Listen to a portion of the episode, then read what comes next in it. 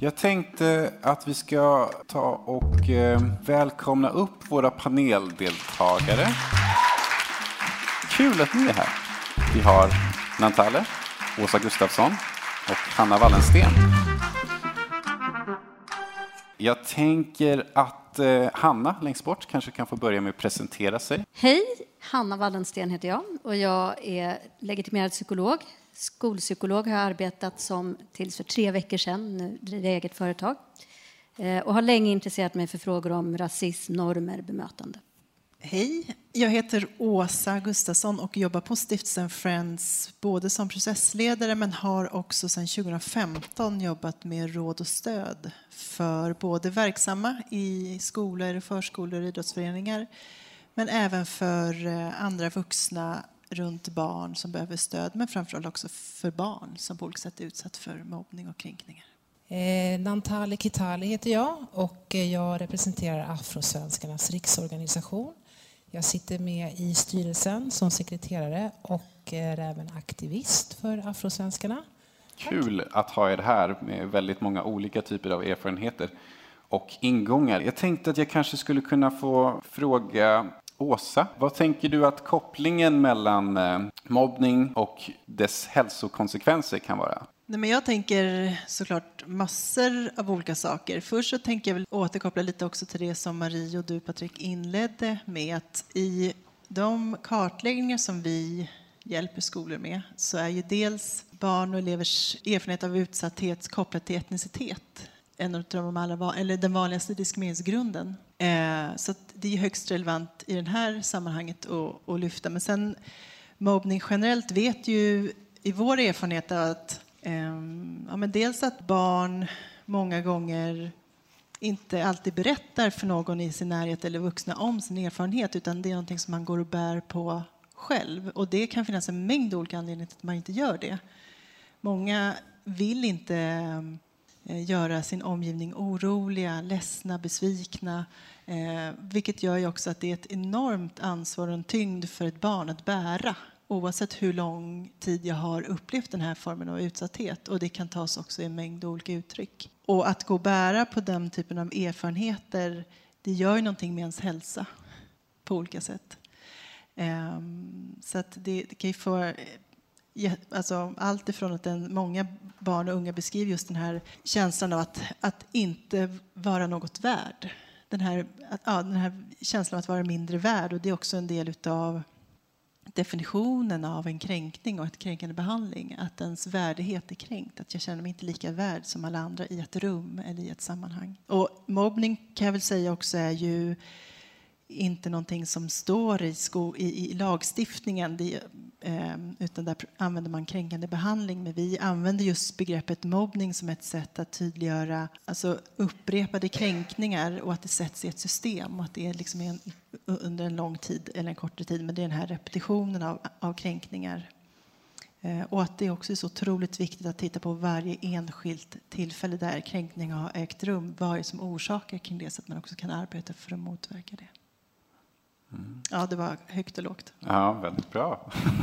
Jag tänker att det, det, finns någonting också i ett sammanhang som det här där vi pratar om just rätten till hälsa som är temat för MR-dagarna. Att det finns massa trösklar som barn behöver ta sig över för att kunna överhuvudtaget prata om det som de kanske någon gång kände att det här skulle kunna vara min rätt. Men det som man känner att man har en rättighet till kanske blir mindre någonting man tänker på. Ja, jag tänker eh, att eh, Hanna kanske skulle kunna ta vid och prata lite om eh, hur psykisk ohälsa tar sig uttryck bland barn och unga. Ja, det ser ju oftast ganska olika ut. Eh, barn kan eh, bli utagerande eller de kan få ont i magen, olika psykosomatiska symptom, ont i magen, ont i huvudet. Man kanske känner sig stressad. Ibland kanske du börjar uttrycka att det är tråkigt i skolan.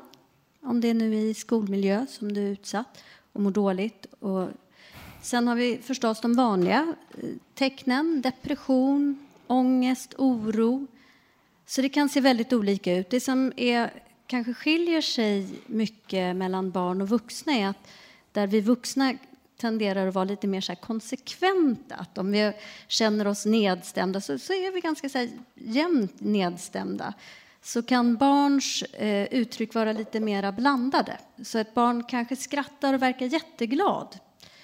Fast det finns ändå en, en klart sänkt sinnesstämning om man tittar över helheten som kan handla om en depression, till exempel om vi nu håller oss till just depression. Så så kan psykisk ohälsa se ut hos barn. Mm. Spännande mm. koppling. Jag tänker, Natalia, skulle du vilja ta vid och prata lite om just hur, vad det finns för koppling mellan rasism och hälsa? Eh, nu har vi pratat ganska mycket om liksom psykisk ohälsa, men det finns ju också det fysiska. Rent. Det finns ju alla olika typer av hälsa. Liksom. Men, ja.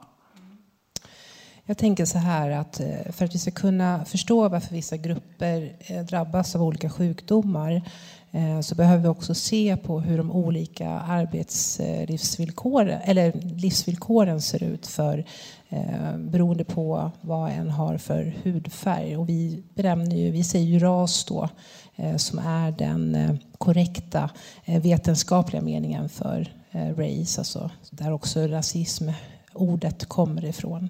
Eh, så vill jag bara säga det. Om jag säger ras så menar jag det och det är en social konstruktion.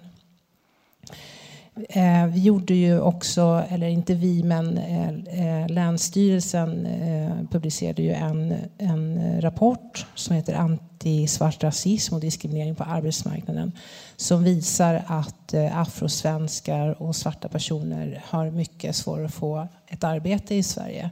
Eh, och då är det kopplat till hudfärg. Och det spelar ju också in på hälsa utifrån vad en har för ekonomiska förutsättningar.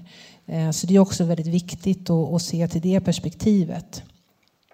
Eh, och sen är det också så att eh, i Sverige gör vi ju inte den här sortens studier utifrån att vi tittar på sociala livsvillkor då kontra alltså de ekonomiska förutsättningarna kopplade till hudfärg i och med att vi saknar den här jämlikhetsdatan då som eh, de till exempel använder sig av i USA och det gör ju också en, en, en eh, det blir ju svårt att visa på eh, den här typen av diskriminering som också då påverkar ens hälsa. Ehm, för till exempel om vi ser då till USA då återigen på, på 80-talet eh, så gjorde man just en studie och eh, där man såg till exempel att eh, svarta män i Harlem eh, i New York då var, eh, alltså medellivslängden var som störst där, eh, alltså glappet. Men att, att den var högre än till exempel män i Bangladesh. Och sen att det här förändrades på tid då när dödligheten steg bland vita män. Och där, eh, man vet också till exempel eh, där då att kvinnor löper högre risk att dö i komplikationer i eh, förlossningar. Mm. Så det är så tydliga, väldigt tydliga, konkreta exempel mm. som man kan se kopplat till ens hudfärg. Om, om vi har de här rätta instrumenten för att kunna mäta det här. Mm. Ja, det ser ut som att du har en replik på det. Nej, men jag tycker att det, det är viktigt det här som vi, om vi bara liksom stannar vid det här etnicitetsbegreppet och, och det här att, att prata om ras eller inte. Alltså vad vi är ute efter är hudfärg, hur vi blir bedömda utifrån ett rasistiskt tänkande att människor går att dela in i en rashierarki där det finns olika raser med olika värde. Det betyder ju inte att vi tänker att ras är en vetenskapligt eh, fungerande, ett fungerande begrepp i biologisk mening, men den sociala konstruktionen. Och, därför, och det är lite intressant att tänka på det i relation till de här eh, siffrorna som lyftes tidigare. Att de barnen de svarade på frågan om etnicitet. Men etnicitet fångar inte riktigt hudfärg. Så till exempel, jag är adopterad. Jag har vuxit upp här sedan jag var liten bebis. Jag skulle säga att min etnicitet, mitt språk, min kultur, mina matvanor, de delarna de är väldigt svenska hos mig. Medan mitt utseende placeras i en rasistisk hierarki som en, någon som kommer från Afrika och har ett lägre människovärde än den som kommer från nordligare breddgrader, till exempel. Så det är också en, en spännande sak att fundera över när vi pratar om barn och barns rätt till hälsa. Vet barn överhuvudtaget, hur ska de kunna identifiera vad det är de utsätts för? Och egentligen så räcker det ju med att ett barn kan identifiera att men någon är taskig mot mig, någon är inte schysst mot mig. Men vi behöver ju lite till för att kunna hjälpa barnet till rätta. Och om barnet inte vet att det här att kränka någon utifrån hudfärg eller utifrån etnicitet, det är inte okej. Okay. Om vi inte pratar om det, om vi inte benämner det, om vi inte hjälper barnen att ha ord för det, då blir det väldigt svårt för barnen att lyfta att jag blir illa behandlad på grund av det här. Och jag tänker också en förlängning till det är ju också att barn förlägger den skulden hos sig själv, att det är mitt fel och att det hela tiden internaliseras till slut. Och det tänker också att vi vet, vår erfarenhet på Friends i olika sammanhang, om man tänker både utifrån hudfärg men det kan vara också utifrån ens funktionsvariation till exempel, att det till slut kan kopplas ett, ett självhat till sin egen kropp för att det benämns oftast i väldigt negativa termer exempelvis. Och precis som du säger Hanna så tänker jag också om vi vuxna heller inte ger barnet språk så blir det ännu svårare, precis som du säger, att benämna vad det är som händer och sker runt, liksom, mot mig. Mm. Jag tänker att en, en, ett av skälen som vi tyckte att det är väldigt viktigt att liksom göra en ordentlig webbkurs om rasism och försöka ja, men försöka skapa ett samtal är ju just för att vi upplever att det finns en viss beröringsskräck kring frågor om rasism, speciellt när det handlar om barn och unga. För att det finns en, en, en, en idé om att rasism är något som är så hemskt så att barn kan inte göra det här. riktigt.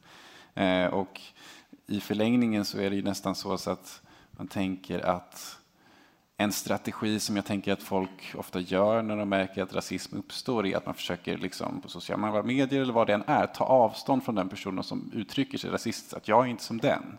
Men vad händer om barnet är nio år och går i skolan och du är lärare för det här barnet? Hur gör jag då? Liksom? Hur gör jag för att förklara att du är nu inte en rasist, det här barnet då, utan hur gör jag för att det du gjorde var fel? Men vi kan gå vidare från det här. Det tycker jag är väldigt spännande och någonting vi försöker grotta i med, genom det här projektet. Så. Mm. Jag tänker också där som en kommentar till det du precis sa, just det här med eh, färgblindheten eh, som råder i vårt land, Sverige. Eh, som, eh, det, som du beskriver, att vi vill inte ta i det här.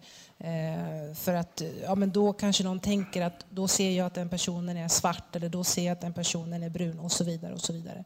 Snarare än att det är liksom att lyfta upp och synliggöra att det är där problemet ligger och vi måste ju få upp det på, på bordet för att sen kunna eh, gå vidare med problemet och lösa det. Mm. Absolut. Jag tänkte så här, eh, Natalie, du har ju träffat lite personer för att få lite olika grävt lite i vad kan det finnas för typ av erfarenheter med koppling till just dagens tema. Eh, och jag vet att du har lite olika citat. Skulle du kunna dela med dig av dem? Mm. Berätta lite bakgrund kring hur du tog fram dem. Så. Ja, jag eh, försökte få kontakt med ett par fritidsgårdar och jag lyckades. Jag har varit på en fritidsgård ute i eh, Hjulsta. Och jag har tre citat här som jag tänker läsa upp för er. Så jag börjar med citat nummer ett. När jag gick i gymnasiet var vi en grupp tjejer på ungefär 12 stycken som alla kom ifrån olika länder ifrån Afrika. Alla svarta. Vi satt alltid i datasalen på övervåningen. En dag hade någon ritat en massa hakkors på bänkarna där vi alltid satt. När vi tog det vidare till rektorn sa han att det var en städfråga och inte en fråga om rasism. Alltså detta var något man kunde tvätta bort men som på alla sätt eh, alla möjliga sätt stannat kvar hos mig så här lång tid efter att jag tagit studenten. Mariama Job, 23 år, författare och egen utgivare. Citat nummer två. Jag och flera svarta elever i min högstadieskola var ständigt i bråk med lärare som använt sig av n-ordet och behövde lyssna på läraren som sa att denne inte menade något illa utan hade en svart kompis som var en av hans bästa vänner. De manipulerade oss till att tro att det var vi som överreagerade och så kastade de ut allt genom fönstret. Bildligt talat alltså. Sanny Jobb, 16 år gammal nu, går i tvåan på gymnasiet i Fredrika. Citat 3. Mina tidigare minnen av rasism i skolan slutar med att en lärare i kanske tvåan eller trean sätter ner mig och den elev som kallat mig för n-ordet och tvingar mig att skaka hand, tvingar mig att överse och bli vän igen, får mig att tro att det är jag som har överreagerat. Mariaba Job, 23 år, författare och egen utgivare. Jag tänker att ni andra kan få ge era reaktioner på det som lästs upp. Ja, absolut. Jag tänker att det här är väldigt representativa eh, citat eh, som väl beskriver hur vuxenvärlden många gånger tar emot den här typen av förtroenden som barn och unga ger. De berättar det här har jag råkat ut för. Det är ingen lätt sak att berätta att någon har sagt någonting som för mig blir nedlåtande i relation till den jag är. Jag kan inte förändra vem jag är. Jag kan inte förändra min hudfärg. Att komma med det förtroendet till någon som jag tror för det allra mesta vill väldigt väl. Som vill att, eh, nej men nej, inte ska det här behöva bli något jobbigt. Inte ska, nej, men nej, nej, nej. Och jag tänker inte på hudfärg. Då ska väl inte du göra det? Det är liksom färgblindheten i sin liksom, innersta kärna. Om inte jag tänker på det så behöver inte du tänka på det. Men det är ju den som har privilegiet att inte behöva tänka på sin hudfärg som inte tänker på den. Den som hör till normen, den som hör till det som är norm just precis där och då, den behöver inte tänka på sin hudfärg. Men den som har varit med om att när jag rör mig i vissa miljöer så kan min hudfärg ifrågasättas, den kommer att tänka på det. Så även om avsikten är god, jag vill bara att alla ska vara med, trivas och vi ska inkludera, det här behöver du inte tänka på eller det där kan vi städa bort, så blir det ju inte bra. För den, det här barnet eller den här ungdomen måste gå tillbaka ut på sin skola efter det här samtalet och fortsätta möta människor som kommer att säga och göra saker som, som kränker henne. Mm, jag kan stanna där. Nej, men jag tänker väl också just att vi vuxna eh, generellt oftast det förminskar barns upplevelser när man väl, precis som du säger, ens tröskel av att, att faktiskt berätta om ens utsatthet. Vilket också gör ju att när vi också väldigt ofta i skolan säger att är det någonting, kom till oss. Och så kommer barnet till den här vuxna och berättar någonting och antingen får det förminskat eller man städar bort det inom citattecken gör ju också att tröskeln inför nästa gång blir ännu, ännu högre. Och att det blir... Eh, och jag tänker att man förlägger, och det är, inte, det är absolut inte alltid avsiktligt, men man förlägger väldigt stort ansvar för barn att komma till vuxna och, och berätta detta och sen att det inte, alltså att det tilliten för vuxenvärlden och möjligheten att få hjälp och stöd naggas i kanten, vilket också, tänker jag, kan kopplas tillbaka sen till ens hälsa och välmående på olika sätt och den, också den stressen som många barn och unga upplever i det. Ja, jag tänker ju svek när jag, när jag, hör eller när jag läser det här. Och, eh, dels utifrån att ha arbetat med barn och unga själv och eh, eh tidigare och vet, precis som du sa Hanna, att eh, komma fram till en vuxen och berätta det här eh, som en har varit med om, om det är rasism eller alltså vilket förtryck som än är, så att säga. Och faktiskt så blir jag, jag förstår att, för jag fick ju ragga ganska hårt för att försöka få ungdomar eller som, eller som hade lämnat skolan relativt nyligen, då, inte allt för länge sedan, och berätta lite om rasism. Ehm, och det var ingen som ville eller orkade. Och sen då när jag fick det här så förstår jag också hur svårt det är eh, att så här, faktiskt också berätta det här en gång till. Eh, är det någon som kommer att lyssna på, på mig nu? Och vad händer med det här? Och är det bara kalla handen? Så att, alltså, jag tänker att vuxna har verkligen ett, ett, eh, stort ansvar. Och eh, eh, vi ska banne mig ta det ansvaret känner jag. Alltså när våra ungdomar kommer till oss och eh, liksom är med om rasism och förtryck. Ja. Ja, men precis. Och jag tänker att det, det behöver också sättas i sitt sammanhang. Just det här att vi frågar, jag tror vi är många som rasifieras som icke-vita som, som får frågan med jämna mellanrum, men har du utsatts för rasism? Och då vet vi att helst ska vi liksom komma med något lite saftigt, så här, lite rejält, kanske något litet slagsmål eller någon, någon riktigt grov eh, kommentar. Men det finns också strukturell rasism.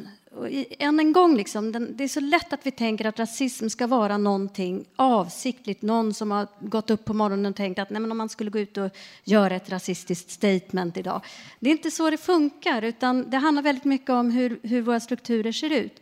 Det kan till exempel vara så att jag går genom hela min skolgång och aldrig har en brun lärare, fast jag själv är brun. Det, det, det, är inget fel på mina ljushyade lärare alls. De är utmärkta. Det är bara det att jag får aldrig en representation. Jag får aldrig en bild, en idé om att ja, jag skulle kunna bli lärare. Jag får aldrig ha en lärare som jag utseendemässigt speglar mig i. Sen kanske jag har turen att eh, jag har en lärare som också tycker om dans om jag tycker om dans eller som också gillar schack om jag gillar schack. Så jag kommer att möta liksom, människor att relatera till. Men om vi håller oss till hudfärgen så har jag inte fått det. Jag har inte heller kanske fått träffa en läkare med min hudfärg. Jag kanske inte heller har... Det beror också, vi kan se att barn som... Eh, egentligen så här, alla som avviker från normen och rör sig i miljöer där, där de är väldigt få normavvikare är, löper alltid risk, precis som vi såg här i, i citatet tidigare.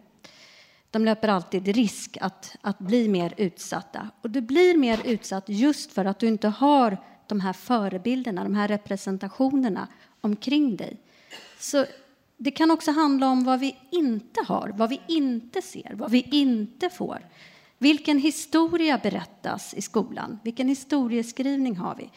Hur ser dekorationerna ut på väggarna i våra klassrum? Vilka bilder finns det där?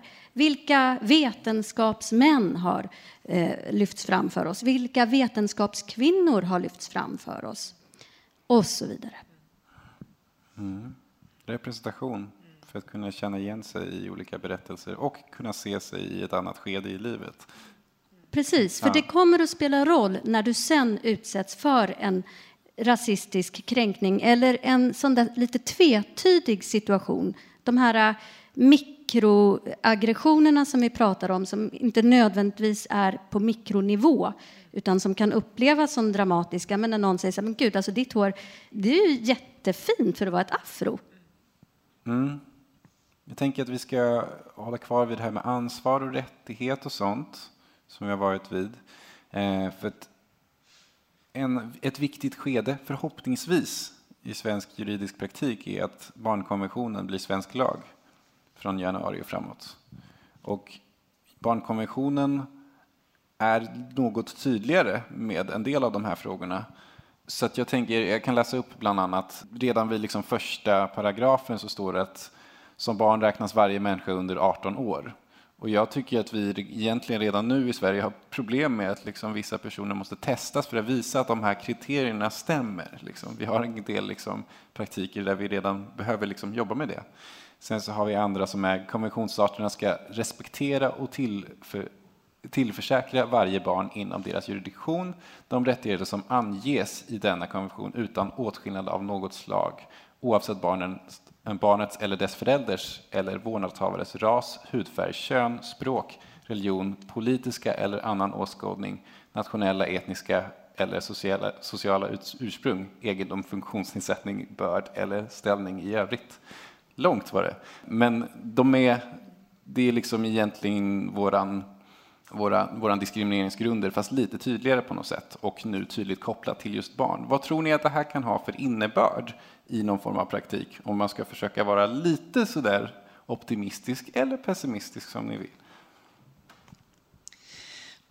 Jag tänker att det kommer eh, ställa väldigt höga krav på, på kommuner, till exempel om man pratar utifrån en skolkontext, att, att dels i varje beslut eh, ha ett barnrättsperspektiv som är kopplat starkt till barnkonventionen. För det är också vår erfarenhet, tänker jag, som organisation när det kommer till mobbningsfrågor generellt, men också kopplingar till rasism eh, i synnerhet, brister på kunskap och det är det som ni båda två har lyft här på olika nivåer. Eh, och vår erfarenhet är också att högre upp, eh, huvudmannen till exempel i skolan har, ett, har ju ansvar för alla skolor, att de ska leva upp till både lagstiftning eh, men nu även till barnkonventionen. Så det kommer att ställa enorma krav eh, och att i varje beslut faktiskt ha barnkonventionen i beaktande. Jag kan fortsätta. Jag hoppas ju att det ska bli eh, striktare och mer skärpt. Ehm, jag, jag, kan väl verkligen säga, jag är realistisk. Jag tänker att jag vill gärna se hur, vad, vad, som händer i praktiken när vi har sett det här. Om det nu blir då, vad är det, 2020? Mm. Men sen tänker jag också utifrån att eh, vi hade ju ett fall som eh, afrosvenskarna tog sig an. Ett, eh, en, en pojke som blev misshandlad i Kista galleria av väktare. Och det var ute på sociala medier. Eh, och eh, det var ju en pojke då som blev alltså, misshandlad fysiskt då man säger. Alltså tryckt ner på golvet och vakterna satte sig på honom och det var väldigt brutalt. Mm. och hans andra kompisar blev inte fysiskt misshandlade men led eh, Eh, psykiskt av den här händelsen naturligtvis. Och där är ju jag eh, och liksom Afrosvenskarna som organisation och de organisationer som skrev på, vi skrev ett brev till Securitas och det var väldigt uppmärksammat och så vidare. Eh, att, att sådana allvarligt grova händelser kan passera, så att säga, utan att politiker tar upp det här eller att, liksom, Eh, att det kommer upp på en högre nivå. Vad är det som händer?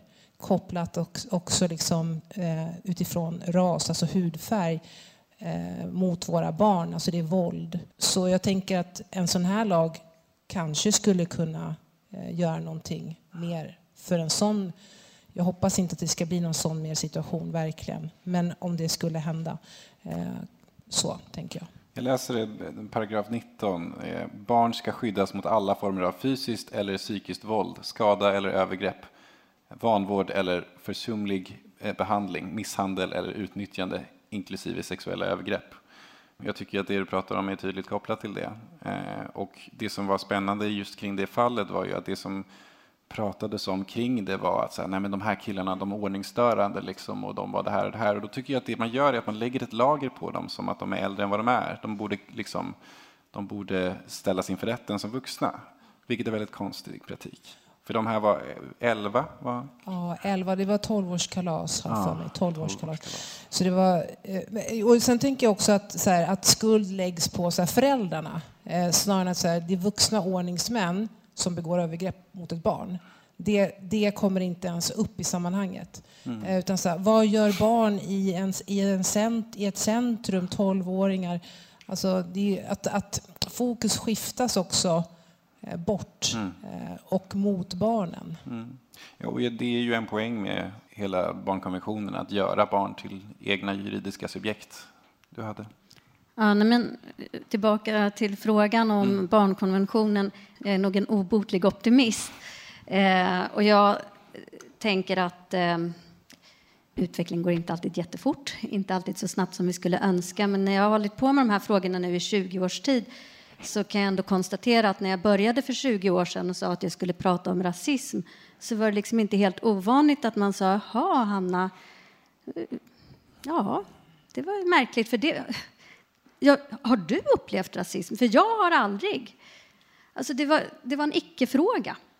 Eh, och där är vi inte alls idag, utan idag är vi någonstans där det finns en mycket större medvetenhet. Jag får en helt annan efterfrågan på tjänster kring vithetsnormer och rasism, eh, önskan om att förstå, önskan om att göra något konkret. Det, det rör lite på sig. Och det som också gör mig väldigt optimistisk är att det kommer en ny generation nu som har, många har vuxit upp i Sverige, har en icke-vit hudfärg. Och en del av dem som jag har pratat med dem säger så här, alltså, jo, klart att jag har mött rasism när jag gick i skolan, men det var andra barn. Alltså, det är ju bara barn. Det, det kunde jag ta. Men nu när jag kommer ut på arbetsmarknaden och möter samma sak från välutbildade chefer och ledningar, det tänker inte jag ta.